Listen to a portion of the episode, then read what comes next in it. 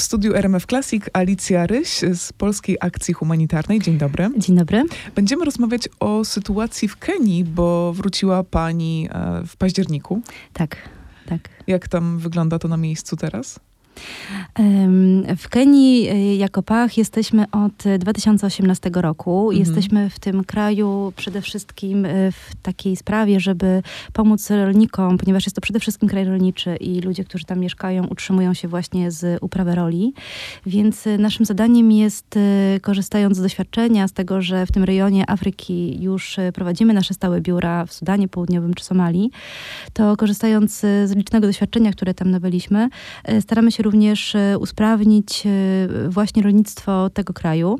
Tylko tak jak mówię, że my staramy się usprawnić, to de facto oznacza, że e, jesteśmy na miejscu i współpracujemy z funkcjonującymi tam kooperatywami rolniczymi. Poszukujemy takich też partnerów i, i mamy takiego jednego partnera, czyli organizację, która na miejscu dogłębnie zna rejon i mhm. dogłębnie zna specyfikę rolnictwa właśnie tego kraju, po to, żeby finalnie dzięki tym licznym współpracom znaleźć rozwiązania adekwatne do tego miejsca, ale również takie, które niejako odpowiadają na potrzeby, które zgłaszają sami zainteresowani. Czyli w tym wypadku, jeżeli byśmy rozmawiały o, rozmawiamy o rolnikach, to, to właśnie oni. To jakby przełożę teraz to już tak na praktykę. Jeden z największych problemów w Kenii jest taki, że generalnie kraj boryka się z suszą, ale ta, a, a w momencie, kiedy przychodzi pora deszczowa, deszcze są coraz gwałtowniejsze i z roku na rok obserwujemy to coraz bardziej. Mm.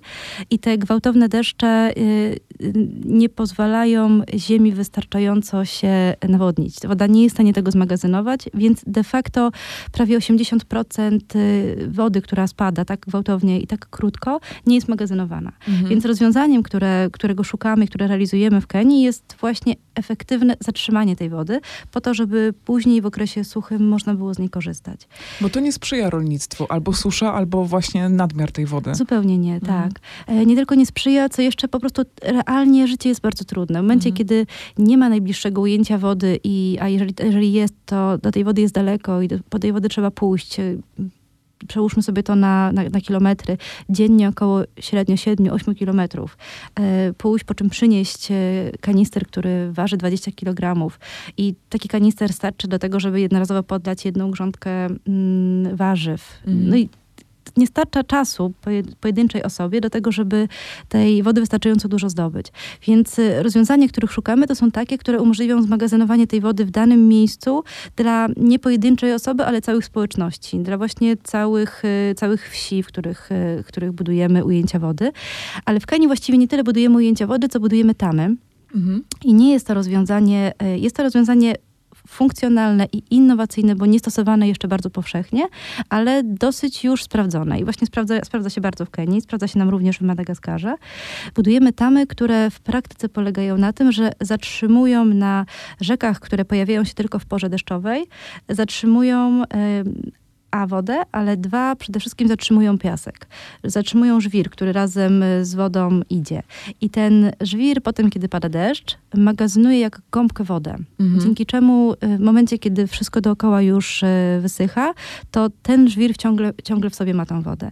I dostęp do niej jest dzięki ujęciu wody, które budujemy przy tej tamie, ale nie ma do niego dostępu, nie mają do niego dostępu zwierzęta. W związku z czym jest to takie rozwiązanie właśnie w pełni ekologiczne, które y, zabezpiecza tę te, tą wodę przed rozwoj, rozwojem um, owadów, przed zanieczyszczeniem przez większe zwierzęta i umożliwia bieżące korzystanie z nich e, właśnie mieszkańcom wsi w danym mhm. miejscu. To są tak zwane tamy piaskowe, tak? Dokładnie One działają tak. trochę jak sito, tak sobie to wyobrażam, jak pani to opowiada. Właśnie jak gąbka. Jak Jeżeli gąbka. jak sito, to w ten sposób, że to sito zatrzymuje piasek. To mhm. w tym sensie można by chyba też tak powiedzieć, że ka z każdą kolejną porą deszczową kolejna warstwa y, tego żwiru się zatrzymuje właśnie o, e, opiera się o tamę, jakby zatrzymuje się dzięki tamie i im więcej tego żwiru się nazbiera, tym ta gąbka będzie pojemniejsza. Mhm. Oczywiście to ma swoją wyporność, więc tak po okolicach e, trzeciego roku życia takiej tamy, ona już jest to się mówi, w pełni dojrzała, czyli maksymalną ilość e, wody, jaką może zmagazynować, już, już jest w stanie to zmagazynować. I, no i tak to obliczamy, żeby właśnie była w stanie zabezpieczyć okoliczną wieś do tego, żeby można było uprawiać roślinność, mhm. warzywa, żywność i wykorzystywać te wody również do swoich codziennych potrzeb. A ile takich tam już wybudowaliście i ile jakby litrów wody jest taka tama w stanie zgromadzić? Chyba nie jestem w stanie powiedzieć mhm. pani, jaka jest pojemność takiej tamy, jeśli chodzi o litry wody.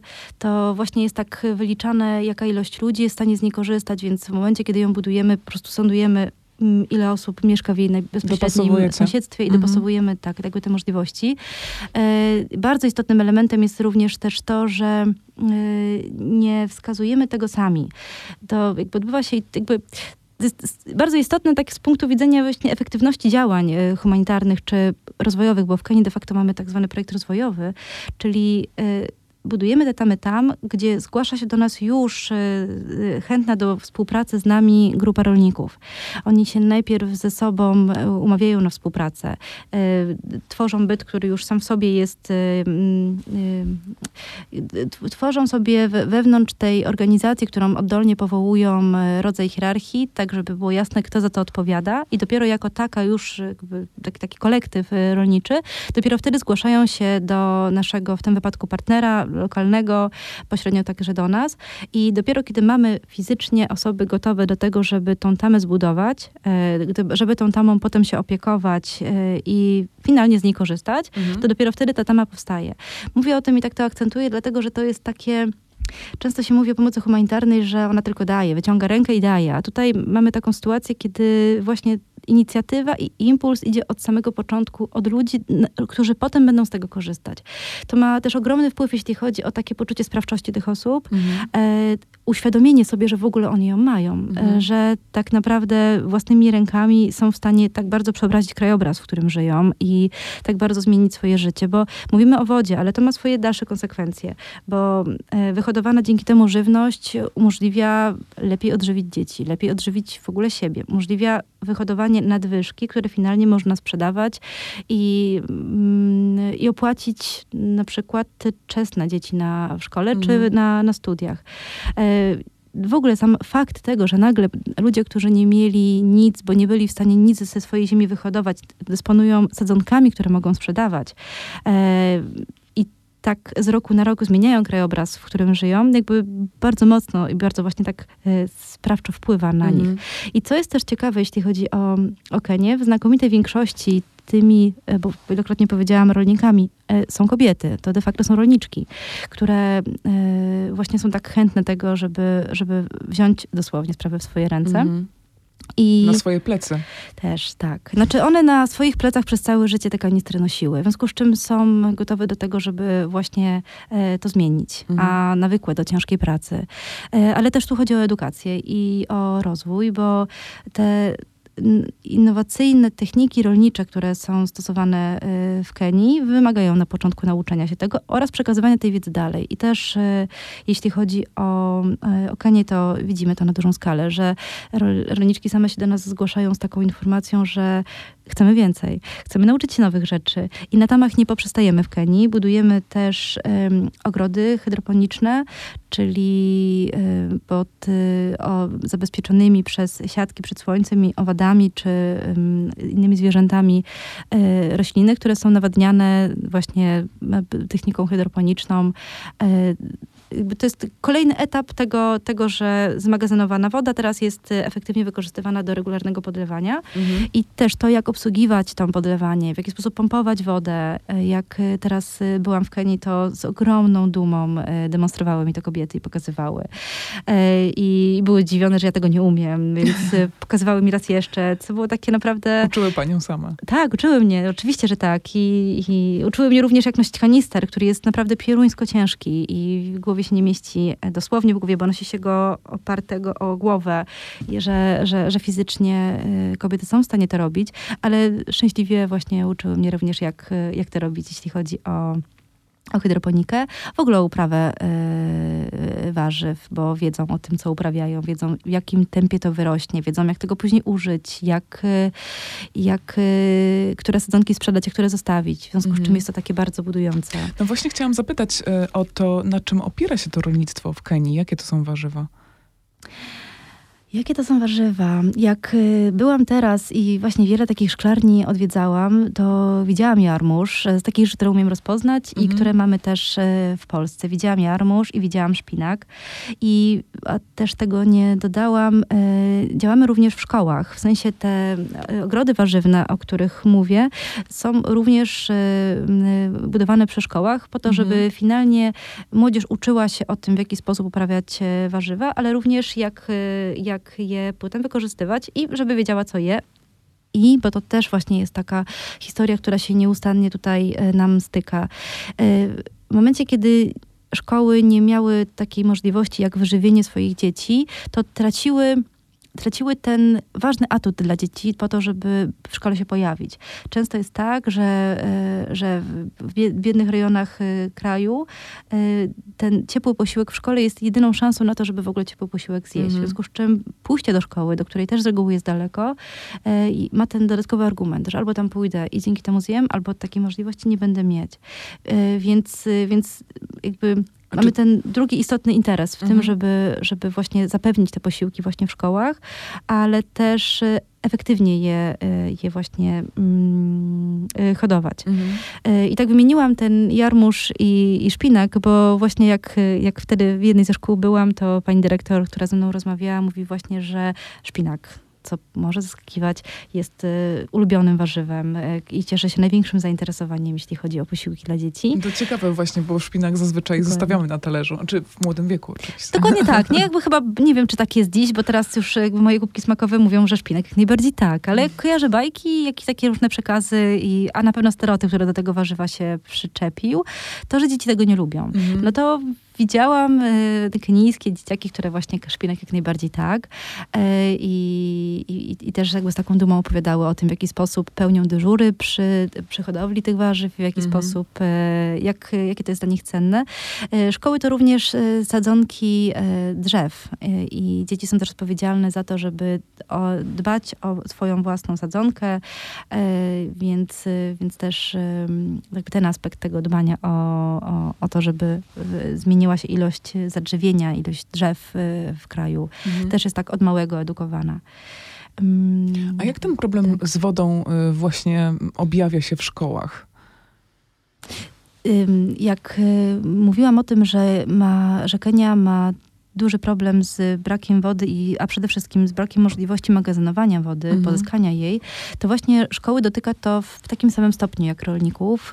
Y, mianowicie nie ma jak zmagazynować wody w czasie pory deszczowej, a codzienne y, wysyłanie albo kupowanie wody, albo, kupowanie transportu wody, bo to raczej jakby w tę stronę, żeby z najbliższej, jak się tylko da, rzeki, do, transportować wodę y, do, do szkoły, często było tak, że jest to, no pokrywa to lwią część budżetu szkoły, mhm. właśnie sam transport wody. Mhm. Więc y, budujemy w szkołach kenijskich y, zbiorniki na wodę, y, które magazynują wodę bezpośrednio właśnie w trakcie pory deszczowej, zabezpieczają ją przed zanieczyszczeniem i umożliwiają korzystanie z, z niej potem w czasie pory suchej. Mhm. I ma to takie samo przełożenie jak żywność.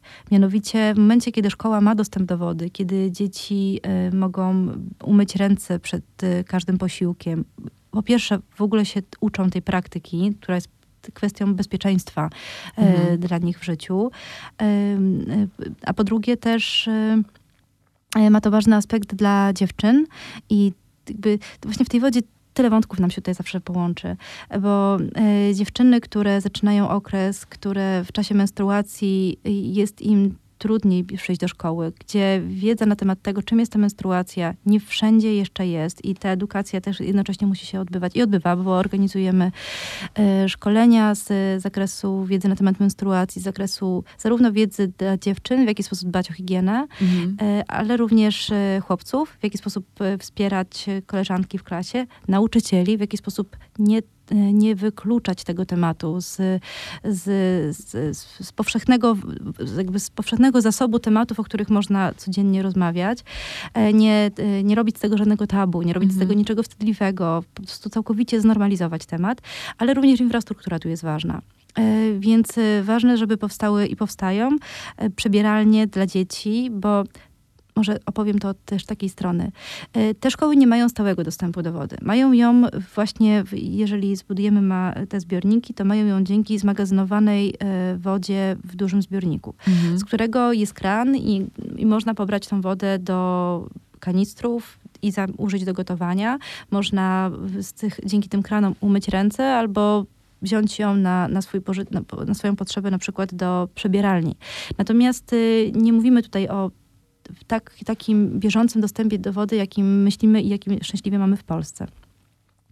Więc y, te, taka przebieralnia jest y, kluczową rzeczą, jeśli chodzi o zachowanie higieny w czasie menstruacji dla dziewczyn, bo inaczej jakby toalety też nie mają bieżącej wody. Mm. Nie ma takiej możliwości, żeby zamknąć się w pomieszczeniu, które właśnie całą tą infrastrukturę ma.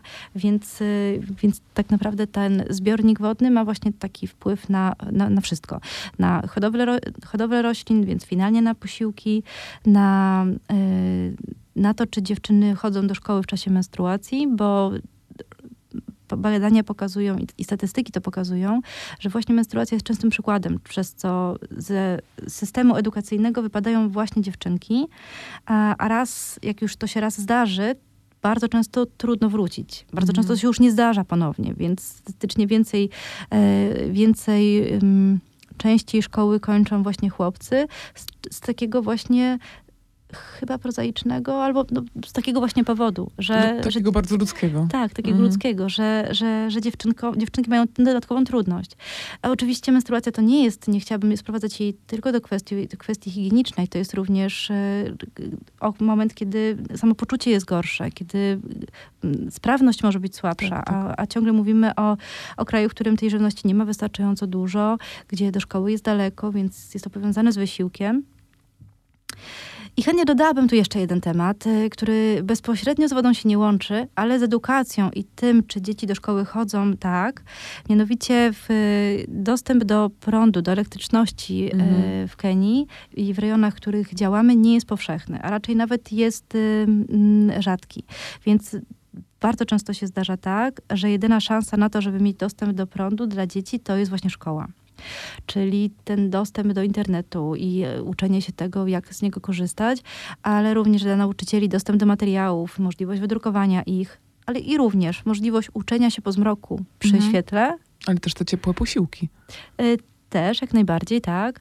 E, kwestia bezpieczeństwa, to, to wszystko jakby zapewnia elektryczność w mhm. szkołach. Zapewniamy ją budując na dachach, montując na, na dachach panele słoneczne. Tak się zawahałam przy ciepłych posiłkach, bo te piece, które też w Kenii e, stawiamy do szkół, w znakomitej większości są są, znaczy są, są jedne i drugie. Mhm. Obecnie nasz taki nowy projekt, który realizujemy w Kenii, one są zasilane właśnie dzięki tym panelom słonecznym, czyli A, bez, okay. bez, mm, bez drewna, co jest y, ekologiczniejsze, długofalowo bardziej efektywne. One też dłużej trzymają ciepło. Mhm.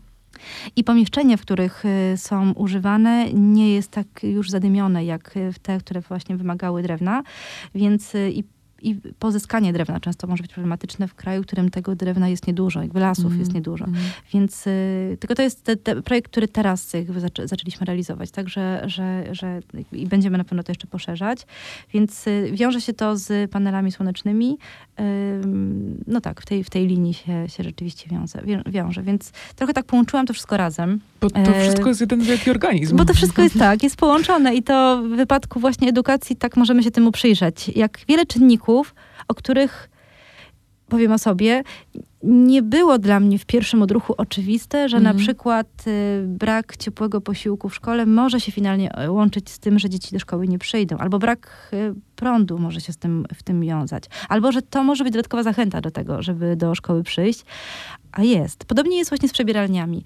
Jakby roz, jest to dla mnie zrozumiałe, że przebieralnia umożliwia, podnosi komfort mm. y, szkoły, ale chyba to trzeba zobaczyć, albo się w to jakby też tak wstawić, żeby zrozumieć, że w momencie, kiedy mamy szkoły, która ma łazienki, ale łazienki rozumiane jakby na nasz język przekładając latryny, to strasznie trudno jest w, tej, w, takim, w takiej latrynie się przebrać. Mm. A mhm. to jest naprawdę kluczowa rzecz. Mm. I to szczególnie dla bardzo młodej osoby, która dopiero poznaje swoje ciało, gdzie ten okres sam w sobie nastręcza tyle problemów, to ta przebieralnia może, może, może być takim, takim argumentem.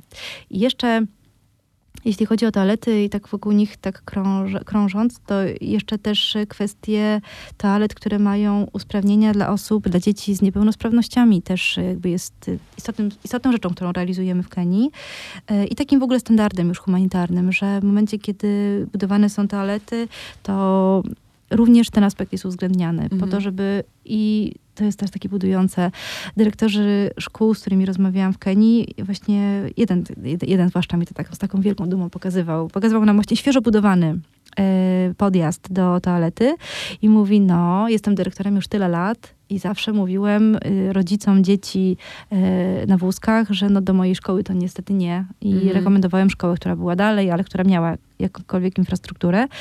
A od tego roku do mojej szkoły tak, do mojej szkoły zapraszam. I, i widać było, że, że, że jest to ważny aspekt dla niego jako dla pedagoga, że jakby rozumie, że dostęp mm. do mhm. szkoły i do, do, szkoły, która jest blisko, y, ma potem kluczowy wpływ na życie danych, na życie dzieci. Więc y, było to takie naprawdę ta duma, z którą pokazywał zarówno tą przybieralnię, jak i podjazd, y, była taka no to ma sens. Mm. A to, y, czy to, że w szkołach właśnie magazynowana jest woda, że jest prąd, czy to się przekłada też na to, że dzieci chętniej zostają po godzinach, chętniej budują relacje z drugimi, z, z rówieśnikami, z przyjaciółmi. Czy dzięki temu też buduje się taka, e, po prostu szuka się przyjaciół? Tak, oczywiście, że tak. To bardzo, bardzo, bardzo słuszny aspekt, co e, jest i słusznie, że zwróciła Pani na to uwagę, bo tak, e, dzieci jakby w momencie, kiedy w, szkoła jest jedynym miejscem, które jest bezpieczne i które jest dedykowane dzieciom, a jest to mhm. jedyne takie miejsce. Jakby nie w kraju dużego niedoboru, y, gdzie, gdzie właśnie nie ma jeszcze tak zbudowanej infrastruktury, nie ma alternatywy od tego. W związku z czym y, właśnie szkoła tę funkcję pełni. I w momencie, kiedy jest, y, można wydłużyć okres jej funkcjonowania dzięki temu, że można właśnie zapalić światło, to dzieci zostają w tej szkole i się uczą zarówno przed lekcjami, jak i po. I też opowiadają nam o tym dyrektorzy. Mhm. I to oczywiście, że to wpływa na budowanie relacji. Oczywiście, że to wpływa na powstawanie, zawiązywanie przyjaźni, które, które zostają na, na, na życie. Na, na to, żeby w ogóle uczyć się te relacje budować i z nich czerpać, e, brać i dawać. Więc jak najbardziej tak. To w ogóle też e, ociepla szkołę, e, przybliża do niej i, i, i pokazuje jej inne oblicze mhm. niż, niż tylko to związane z samymi lekcjami. Więc jak najbardziej tak. Jak mhm. najbardziej ma to, ma to to znaczenie. A proszę powiedzieć, czy w Kenii są takie nierówności, jeśli chodzi o społeczeństwa, które mieszkają bliżej źródeł wody, a tymi, które mieszkają dalej? Czy to też wpływa na to, w jaki sposób oni, jakby bliskość do wody y, daje pewnego rodzaju. Y, no łatwiej jest po prostu. Tak jest, oczywiście, że tak jest. W momencie, kiedy, kiedy do tej wody jest blisko, to nie tracę czasu na to, żeby do niej iść. Mhm. Więc, więc czas przeznaczony na to, że na, na, na pozyskiwanie wody. W ogóle tak dodam jeszcze, że akurat wątek chodzenia po wodę i przenoszenia jej jest też powiązany z edukacją. Jest tutaj też jakby punkt wspólny, bo kulturowo w regionie kulturowo w Kenii za dostarczanie wody do, e, do domu, za, za zabezpieczenie całego domostwa, jakby wszystkich aspektów, które dotyczą wody, odpowiedzialne są e, kobiety i to tak od, od, od dziecka są za to odpowiedzialne. Mm. W związku z czym w momencie, kiedy do tego ujęcia wody jest daleko, to to od razu dyskwalifikuje y, dziewczynkę z systemu edukacji, bo zabezpieczenie rodziny o wodę jest ważniejsze z punktu widzenia po prostu potrzebą. przeżycia, tak. Więc y, na takim etapie chociażby już widzimy, że, y, że, no, że przywilejem jest mieszkanie blisko wody mhm. i to przywilejem, które może się przełożyć na możliwość chodzenia do szkoły. Ale oczywiście również tak czysto ekonomicznie y, możliwość uprawiania już opowiadanych przeze mnie warzyw, roślin, ale również hodowla zwierząt jest łatwiejsza albo w ogóle możliwa, kiedy jest dostęp do wody, mhm. bo bez tego po prostu nie, nie byłoby to realne. Więc, a im więcej tych warzyw albo zwierząt można wyhodować, uprawiać, to nadwyżki można sprzedawać. I w momencie, kiedy już nie, nie musimy funkcjonować tylko na takiej zasadzie, że hoduję, mam, wyżywiam siebie i swoją rodzinę, ale mam na tyle, że jeszcze mogę sprzedać i dysponować środkami, które mogę przeznaczyć na zakupienie czegoś jeszcze, co jest mi potrzebne, e, no to jakby zmienia się standard i w ogóle zmienia się myślenie o tym, jak mogę gospodarować swoim życiem e, i zasobami, które mam. Mm. Więc y, tak, ma to przełożenie. Jakby woda ma y, to, tą, tą istotny, ist, jest, tym istot, istotną podwaliną y, bardzo wielu aspektów tak, źródłem życia. życia. Tak, właśnie jakby tak wokół tego krążyłam, dokładnie mm. tak. Że jest to niezwykle istotne i trudno sobie wyobrazić życie bez niej. A, I właściwie nie ma życia bez niej, więc jak najbardziej ma to znaczenie. A co pani docenia najbardziej w tych rolniczkach, w kobietach w Kenii? No niezwykle budujące jest to, że one robią to same z siebie. Że, że, że mają taką bardzo aktywną postawę i ta postawa się finalnie y, jakby samo wzmacnia. Mhm. Y, więc y, jak, y, jak słyszę właśnie od nich taką opowieść, że chcemy więcej, chcemy się nauczyć kolejnych rzeczy. Jak mamy teraz taki projekt w Kenii, który polega na tym, że próbujemy i realizujemy to, odzyskiwać wodę szarą, wodę, która zostaje po umyciu rąk, y, woda, która zostaje po umyciu naczyń, oczyścić ją i wykorzystać ponownie do podlewania y, na przykład roślin. I oczyszczanie tej wody odbywa się poprzez zastosowanie specjalnych, ale istniejących, funkcjonujących y, w Kenii roślin. E, I to jest taki projekt, który właśnie powoli zaczyna nam funkcjonować i, i nam się sprawdzać i właśnie w klimacie Kenii daje radę, bo mhm. był testowany wcześniej w Hiszpanii, ale tam jest za zimno i te rośliny nie dawały rady takiej efektywności osiągnąć, a w Kenii szczęśliwie tak. No niemniej jednak jest to kolejna wiedza, którą trzeba zdobyć, żeby zrozumieć, w jaki sposób to działa, w jaki sposób te rośliny hodować, jak potem ich użyć e, i jak, jak robić to najefektywniej, żeby one możliwie długo i, i, i dobrze działały.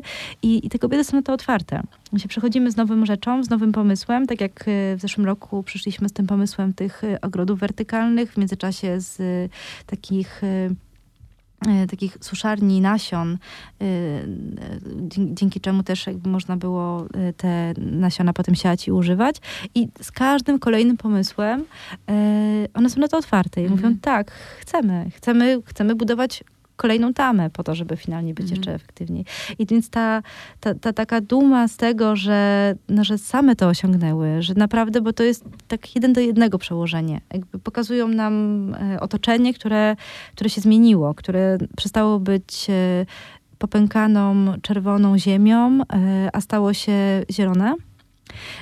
I, I, wiedzą, że to dzięki nim, że to nikt, mhm. nikt im tego nie przywiózł, nikt im tego nie zorganizował, nikt im tego nie, nie narzucił, bo dosłownie fizycznie od, od budowy tamy po właśnie wszelkie potem rzeczy dookoła y, tych y, upraw zrobiły same. Mhm. Więc y, no, jest, jest niezwykle Sprawczość niesamowita. Tak, jest to naprawdę niesamowite i przede wszystkim ten impuls wyszedł też od nich. W sensie nie szukaliśmy, nie jeździliśmy po wsiach i nie szukaliśmy i nie przekonywaliśmy ludzi do tego, że słuchajcie, uwierzcie nam, to ma sens. Mhm. To dokładnie wyszło całkowicie oddolnie. Mhm. Do, do właśnie naszego partnera zgłosiła się już istniejąca grupa, już y, wewnętrznie zhierarchizowana, z podziałem na rolę i gotowa do pracy, deklarująca, że to zrobią. Więc y, to jest taki, no, taki naprawdę bardzo budujący y, mhm. model y, współpracy, właśnie współpracy rozwojowej. I też powiem to jeszcze tak do porządku, że w Kenii e, nie mamy do czynienia z kryzysem humanitarnym. Na dziś szczęśliwie nie. Mamy do czynienia z krajem, który zmaga się z dużym niedoborem wody, a w związku z tym z dużym niedoborem żywności i, i więc y, jest, y, jest na, na progu tego, żeby mm. do mhm. kryzysu humanitarnego doszło. Mm. Ale jako takiego jeszcze go tak nie, nie należy nazywać. Poza sytuacjami skrajnymi w, w, w poszczególnych hrabstwach, kiedy ta susza jest już tak skrajna, że rzeczywiście dochodzi do, do, do, do, do głodu, który zagraża życiu ludzkiemu, y, to na dzisiaj nie jest to kraj, który właśnie jest, potrzebuje pomocy humanitarnej, ale jest to kraj, który, któremu, któremu dzisiaj pomagając, w którym dzisiaj pracując, możemy zapobiec niebezpieczeństwu niebezpieczeństwu, które się w najbliższym czasie może wydarzyć. Więc y, tak, no, to jest też takie budujące z perspektywy nawet pracowniczki humanitarnej, że możemy dzisiaj zapobiec temu, czemu y, w innych krajach dzisiaj już możemy tylko po prostu dowozić wodę mhm. albo dowozić żywność. Y, to tutaj działamy na to, żeby do tego nie doszło. Mhm. To oczywiście w obrazku szczęśliwie nie będzie takie wyraziste, bo to są procesy długie. I tak jak powiedziałam, jesteśmy w Kenii już od y, pięciu, teraz szósty rok, więc to jest długo, tak jak teraz ze sobą rozmawiamy, to jest, to jest, dużo pojedynczych projektów, które składają się na współpracę z licznymi kooperatywami, na wybudowanie dużej ilości tam, współprac ze szkołami i tak dalej, ale to ma szersze przełożenie na, na, na społeczność i de facto mają też wzmocnić, bo to mhm. też jest taki, taki obszar działań, który właśnie ma wzmocnić ludzi przed ryzykiem katastrofy. Mhm. E, nauczyć zapobiegania temu już dziś i, i, i działaniu tak, żeby finalnie być samodzielnym, bo to też jest bardzo ważny czynnik e, tego, że, że ci ludzie są od nas niezależni. Nie, nie potrzebują nas, mam na myśli pracowników Polskiej Akcji Humanitarnej, czy naszego partnera, jak, y, bo finalnie ta tama zacznie działać i, i wszystko, potrafią sami wszystko obsługiwać, więc będzie taki moment, że my pójdziemy dalej, mhm. a, a, a oni będą dalej przekazywać tą wiedzę swoim najbliższym i się uczyć. I to też takie zrobię szybką dygresję, bo z menstruacją też tak jest. Jak y, w jednej ze szkół e, rozmawiałam z dziewczynką, e, która opowiadała do, w ogóle byłam pod wrażeniem jej odwagi, bo bardzo dzielnie opowiadała do kamery e, nam, jak, jak, jak się nauczyła o menstruacji, że mhm. nie dowiedziała się tego od swojej mamy ani od sióstr, ale dowiedziała się o tym w szkole i że już to wszystko rozumie. I i to ona opowiedziała o tym w swoim domu i ona opowiedziała o tym koleżankom y, w, w najbliższym swoim sąsiedztwie. Więc to przekazywanie wiedzy dalej mm -hmm. też jest takie, no to to ma szerszy, szerszy wpływ niż statystyki, które my podajemy, jeśli chodzi o nasze raporty, co no, buduje tak. bardzo. tak. E, krążymy tutaj e, dosyć intensywnie wokół wody, której brak jest też związany ze zmianami klimatu. I chciałam o te zmiany klimatu jeszcze trochę podpytać. Czy w jakiś inny sposób widać w Kenii to, jak zmienia się klimat i czy być może e, migracje klimatyczne to też jest zjawisko, które dotyczy właśnie Kenii? Yy, tak, znaczy przede wszystkim jeśli chodzi o Kenię, to cały czas możemy rozmawiać właśnie o tym, że brak dostępu do wody powoduje, że są momenty, są miejsca w kraju, w których już niemożliwe jest y, życie i ani uprawa roślin, ani, upra- ani hodowla zwierząt, po prostu przetrwanie. I mhm. konieczne jest ruszenie w kierunku, gdzie, gdzie ta woda jest. Mhm. Więc to ciągle wokół wody. Również jeśli chodzi o, bo wody gruntowe wysychają, e, ale również e, pory deszczowe się rozregulowały. W związku z czym te pory suche są coraz dłuższe, a te deszczowe są nie tylko krótsze, ale intensywniejsze. Co mhm. się właśnie łączy z tym magazynowaniem wody, z tym, że w ogóle trudno jest nad tym żywiołem zapanować. I on sam w sobie też potrafi być niszczycielski przez to, że jest tak gwałtowny. Więc, y, więc takie rzeczy. Y, zmiany klimatu y, w Kenii widać też przez to właśnie, że temperatury są dużo wyższe i jak rozmawiamy z rolniczkami, z rolnikami, to też nam to opowiadają, że, że te temperatury nie były tak skrajne, nie było takich rozbieżności, jakie teraz doświadczają, że, że, że, że, że, te, że ten w ciągu dnia bardzo długo potrafi utrzymać się bardzo wysoka temperatura, bardzo długo również w dniach, jakby to przekładając, a że, że, że, że, tak to wcześniej nie było i że to było bardziej przewidywalne. -hmm. O cień Więc... pewnie trudno. Tak, o cień trudno również z tego względu, że Kenia ma bardzo niewiele lasów. W związku mhm. z czym ma bardzo niewiele zasobu, który można wykorzystać do gotowania, do, do, jako, jako, jako mm, jako podpałkę i jako... E, tak, drewniany opał. Jako drewniany opał, właśnie mhm. tak, e, dokładnie.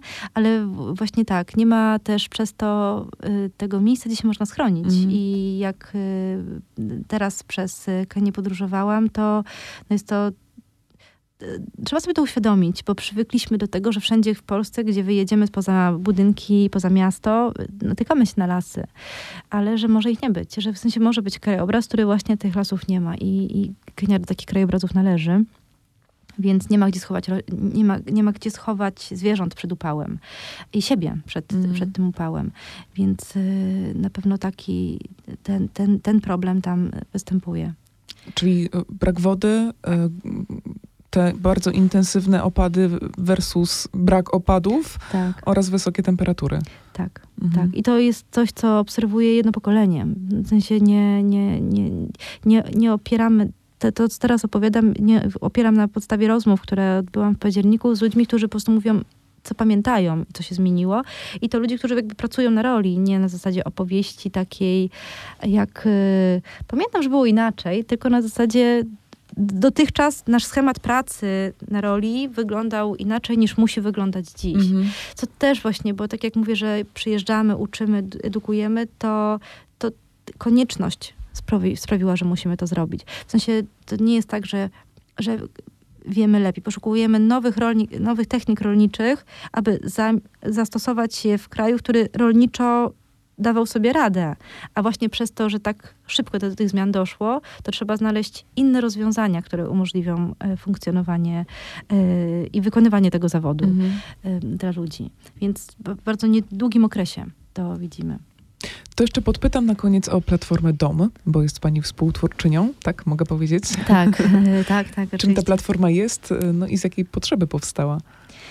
E, platforma jest dostępna pod adresem www.pach.org.pl kośnik dom. E, jest to taka strona internetowa, na której e, zamieszczamy historie osób, którym pomagamy, a historie ludzi, którymi się spotykamy w różnych krajach, których te działania PACH prowadzi. I zależało nam na tym, żeby, żeby było takie miejsce, które, w którym te osoby opowiadają o swoim własnym życiu, o swoich własnych losach, które to jest idealna sytuacja, kiedy możemy powiedzieć, że te losy się zmieniły. E, mhm. Ale nie tylko takie historie tam e, mogą, e, mogą Państwo znaleźć. Generalnie chodziło nam o to, żeby stworzyć miejsce, gdzie ten głos, głos ludzi, z którymi mamy do czynienia, będzie usłyszany. To jest taka, taka główna idea. Ale też wśród zadań, które sobie PAK stawia, jest poza tymi, które realizujemy w krajach, y, które tej naszej obecności i działań i pomocy potrzebują, to również y, działania edukacyjne, działania y, informujące o tym, co wiemy, dzięki dostępie do tych krajów. Więc Platforma Dom też jest taką odpowiedzią. Po mhm. prostu opowiadamy szerzej i z szansą na pokazanie też kontekstu, na czym polegają nasze działania i z czego wynikają, że w ogóle do nich musi dochodzić. Mhm. Właśnie to jest, to jest takie miejsce, gdzie oprócz Human Stories, opowieści o z poszczególnych krajów, e, mogą Państwo dostać dużą porcję informacji kontekstowych.